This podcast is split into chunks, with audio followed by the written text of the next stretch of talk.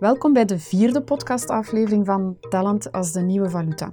Ik ben Ans de Vos en in deze podcastserie neem ik flexibele benaderingen van talentmanagement onder de loep.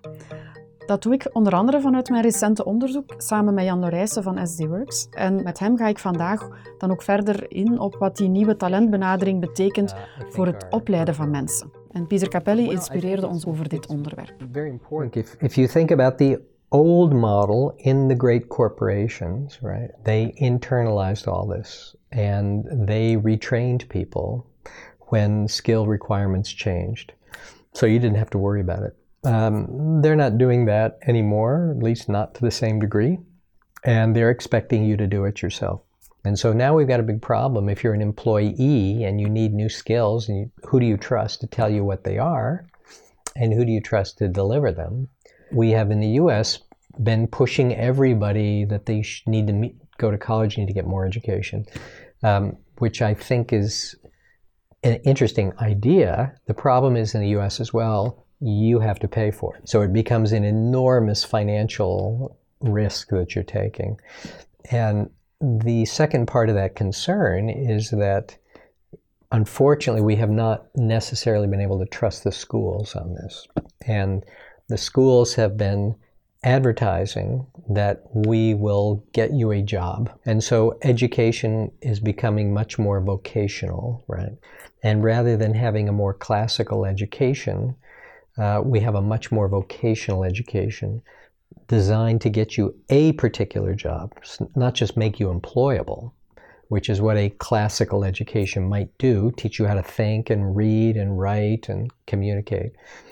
Um, it's designed to help you become a mechanical engineer or a hospital administrator or some very specific things. And that is very troubling because um, it does not help you prepare yourself for a lifetime of careers. It gets you your first job, and the skills you learn are quite narrow, which may actually keep you from being able to get a second job, right? Because you haven't learned thinking, learning, communicating. You've just learned how to fill that first job. So we're substituting job training for education, and I think that's very troubling.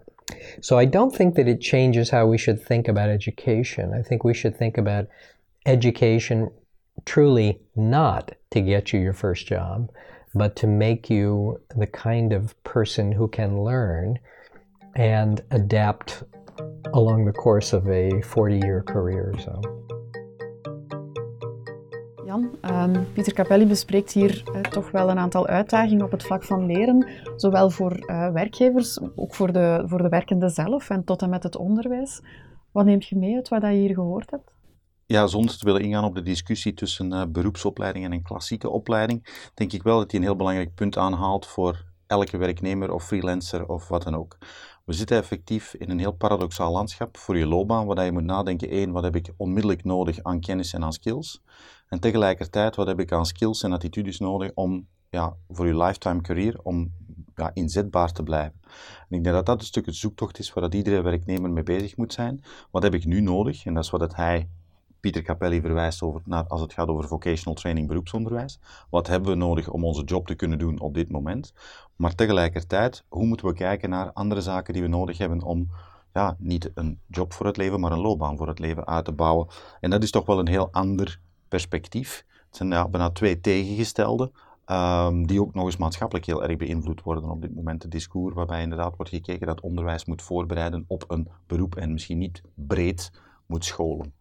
Als we dat ook linken met wat we in de vorige podcast uh, bespraken, het ontwikkelen uh, van talent zal um, ook voor de toekomst, zeker met een krappe arbeidsmarkt, toch wel een heel belangrijke piste zijn, ook in het kader van een, um, een, duurzaam loopbaanbeleid. Is het mhm. als werkgever wel belangrijk dat je ook kijkt naar hoe kunnen medewerkers op langere termijn inzetbaar blijven.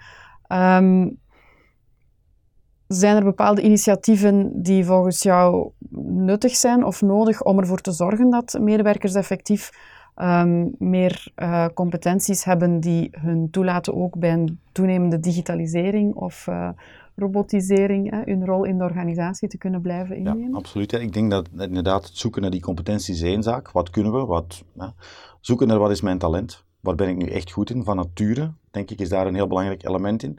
Wat doe ik graag? Wat zou ik graag doen, wat is mijn passie eigenlijk?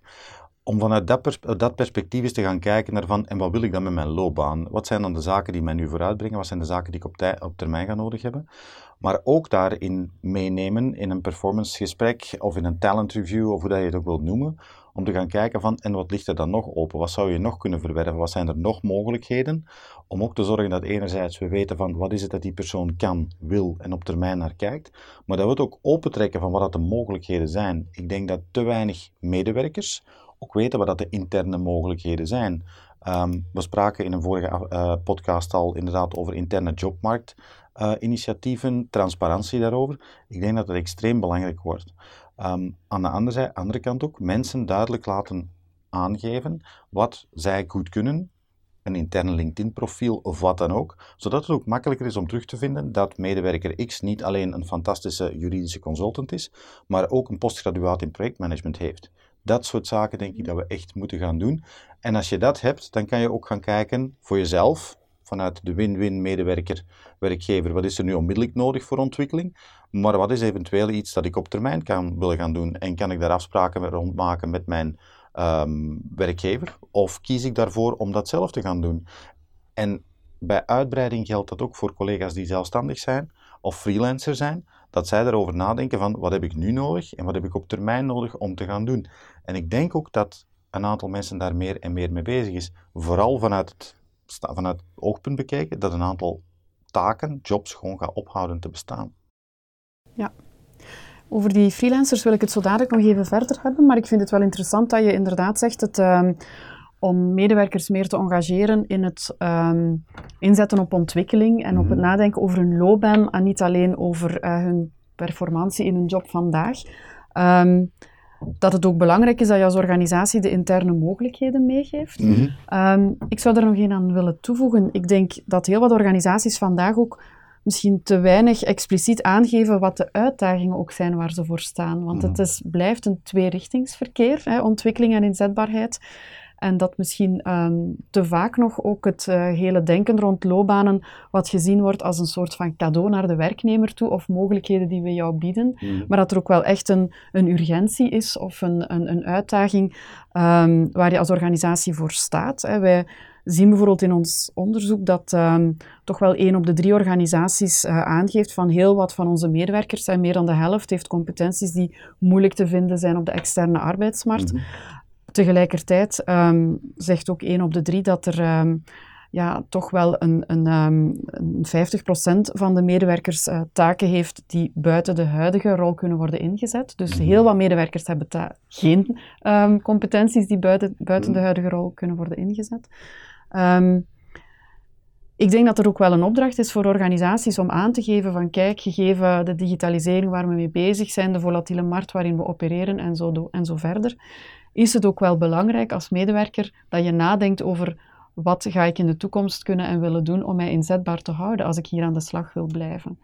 Um, dus die responsabilisering van de medewerker zelf lijkt mij daar ook wel, wel belangrijk. Um, we hadden het in een van de eerdere podcasts ook over uh, riskmanagement of het inschatten hè, of risico's uh, die je neemt als organisatie door te uh, inzetten op ontwikkeling. Misschien um, is het ook wel belangrijk dat medewerkers zelf ook daarin actief betrokken worden. Dat zij ook leren inschatten van wat is het risico dat ik neem door binnen deze job te blijven doen wat ik al tien jaar doe en niet in te gaan op kansen rond ontwikkeling. Um, en wat zijn de mogelijke gevolgen daarvan? Wat je zegt is inderdaad iets dat, jullie trouwens, dat je zelf ook hebt onderzocht in een eerder onderzoek, loopbaanbrekend onderzoek. We zien dat die nood er ontstaat, maar eigenlijk op vijf jaar tijd is er in loopbaanpraktijken nauwelijks iets veranderd. En als je daar mensen wilt gaan, sensibiliseren, dan ga je heel duidelijk inderdaad ook moeten aangeven met ons bedrijf, met onze organisatie, in de context waarin dat we opereren, we varen die koers. Dat heeft heel wat consequenties op het niveau van digitalisering, op het niveau van hoe dat wij gaan vermarkten, maar ook op het niveau waarop dat we gaan omgaan met medewerkers. Um, en daar gaan we heel duidelijk moeten aangeven, gaat HR-medewerkers, gaat HR heel duidelijk moeten aangeven van waar denken we dan dat opportuniteiten zitten, waar gaan we gaten gaan slagen, waar weten we dat het moeilijk gaat zijn om mensen te vinden om dat te doen? Waar kunnen we mensen aansporen om net in dat gat te springen en te zeggen van oké, maar dan ga ik die kant op? En hoe kunnen we mensen sensibiliseren over het feit dat een aantal van de taken die zij doen sowieso op termijn niet houdbaar zijn, dat ze die niet gaan doen en dat die zullen overgenomen worden door machines? Dat vergt een breder plaatje over waar gaan we naartoe en hoe, ehm, kunnen we, hoe zien we de arbeidsmarkt evolueren, hoe zien we onze interne jobmarkt evolueren. Maar dat is natuurlijk ook het punt dat veronderstelt dat je dat in beeld hebt. Daar hebben we het in de vorige uitzending over gehad, dat dat nu in, in veel gevallen niet, het, niet gebeurt. Dat we daar te weinig zicht op hebben wat het nu is, wat het kritieke competenties zijn, wat het competenties zijn die op termijn overbodig gaan worden. Dat moet er eerst wel zijn dan. We hadden het uh, tot nu toe voornamelijk over die werknemer binnen de mhm. context van een organisatie. Um, we hebben ook uh, onderzoek gevoerd uh, bij freelancers de voorbije maanden. Um, en waar dat je ziet dat heel wat freelancers, dus kennismedewerkers die bewust kiezen voor een uh, loopbaan als uh, zelfstandige. Mm. dat een 70% uh, eh, daarvan zegt dat zijn inhoudelijke redenen hè, waarom ik hiervoor gekozen heb. Hè. Een betere aansluiting met mijn interesses, een meer in, interessante jobinhoud. Um, fit met mijn competenties, hè, maar daarnaast hè, zijn er ook wel wat redenen die met autonomie te maken hebben en met work-life balance. Um, dat zijn heel ehm, mooie redenen waarom uh, freelancers uh, kiezen voor dat zelfstandigen bestaan. We zien dat er ook een groep is die het echt om gedwongen redenen doet, hè, omdat ze moeilijk aan de slag geraken elders. Um, werkgever die verwachten dat ze zelfstandig gaan werken en dergelijke. Um, maar zelfs bij die groep die om inhoudelijke redenen kiest, hè, zien we toch wel dat ja, heel wat freelancers hè, enerzijds wel optimistisch zijn, 70% opnieuw, om hetzelfde soort opdrachten te kunnen blijven doen dan ze vandaag doen. Hè. Maar uh, wanneer we vragen naar hoe hoog schat je de kans in dat je ook makkelijk opdrachten zou kunnen binnenhalen die verschillen van wat je nu doet, dat één op de twee eigenlijk aangeeft dat ze die kans niet hoog inschatten. Hè. Dus hier denk ik dat we toch met een belangrijke uitdaging zitten uh, als je als freelancer eigenaar bent van je eigen loopbaan. Mhm. Ehm, is het ook niet voor die groep belangrijk om te gaan sensibiliseren en faciliteren om ehm, ook op het inzetbaarheid en ontwikkeling eh, doorheen de loopbaan nog meer in te zetten en daar ook meer ondersteuning in te bieden. ongetwijfeld. Hè. Ik denk dat inderdaad nog te bekijken is van wie, over welke zelfstandige collega's, freelancers we het hebben. Er zijn ongetwijfeld een groep uh, freelancers die heel specifieke competenties hebben en die ook voor de komende jaren heel inzetbaar zullen blijven. Um, er zullen ook heel wat freelancers zijn die voornamelijk door werkgevers, door organisaties worden ingezet omwille van de capaciteit of omwille van de kost. Ik denk dat daar vooral te kijken is voor mensen die inderdaad vooral op dat niveau aan het werken zijn, dat het kijken is van hoe lang blijft dit duren en op welk moment gaat er eigenlijk een kanteling komen, ga ik nieuwe dingen moeten leren om daarmee aan de slag te gaan. Um, al is dat natuurlijk heel moeilijk in te schatten. Ik denk als het al moeilijk in te schatten is voor organisaties en voor werknemers, dan zal dat voor theorie ook voor mensen die zelfstandig werken ook zo zijn. Maar daar ligt absoluut een uitdaging om te gaan kijken ook hoe dat zij kunnen aangeven waar ze goed in zijn, waar ze naartoe willen, om ook die markt te gaan creëren, um, zodat het ook, net zoals het interne arbeidsmarkt belangrijk zal worden, dat je ook kan inpluggen als organisatie op wat die mensen willen gaan doen, hoe dat ze verder moeten en hun daar ook op aan te spreken, zodat het ook duidelijk wordt voor hen van oké, ik ga die koers varen, dat zijn dingen die ik in de toekomst graag zou willen doen. Hoe we dat concreet moeten gaan doen, dat zal natuurlijk een ander vraagstuk zijn, want per definitie, een freelancer kiest ervoor om dat zelf te beslissen. Mhm. Ehm, dus dat is nog even nadenken. Ik denk wel dat het belangrijk is, en dat zie je wel meer en meer ontstaan, dat freelancers elkaar in bepaalde communities beginnen te ontmoeten, net om dat soort zaken, of in bepaalde zaken zich beginnen te verenigen, net om daar duidelijkheid over te krijgen. Ja, Oké. Dank u wel, Jan. Uh, bij deze denk ik dat we heel wat thema's hebben besproken waar... Uh, denk ik meteen ook uit naar voren komt dat we nog heel wat werk op de plank hebben liggen de komende jaren om nog verder rond het thema inzetbaarheid, duurzame loopbanen, flexibel inzetten van talent uh, aan de slag te gaan.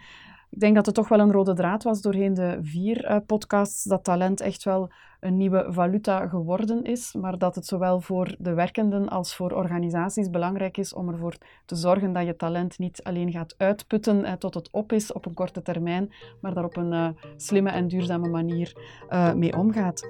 Ik wil jullie bedanken voor het luisteren um, en ik dank Alex en Jan voor hun expertise en hun inbreng hier rond. Als je nog meer over dit onderwerp wil weten, ik nodig u van harte uit om uh, onze blogs en de whitepapers ehm, door te nemen en ehm, zeker ook te volgen wat we hier de komende maanden nog verder rond naar buiten zullen brengen.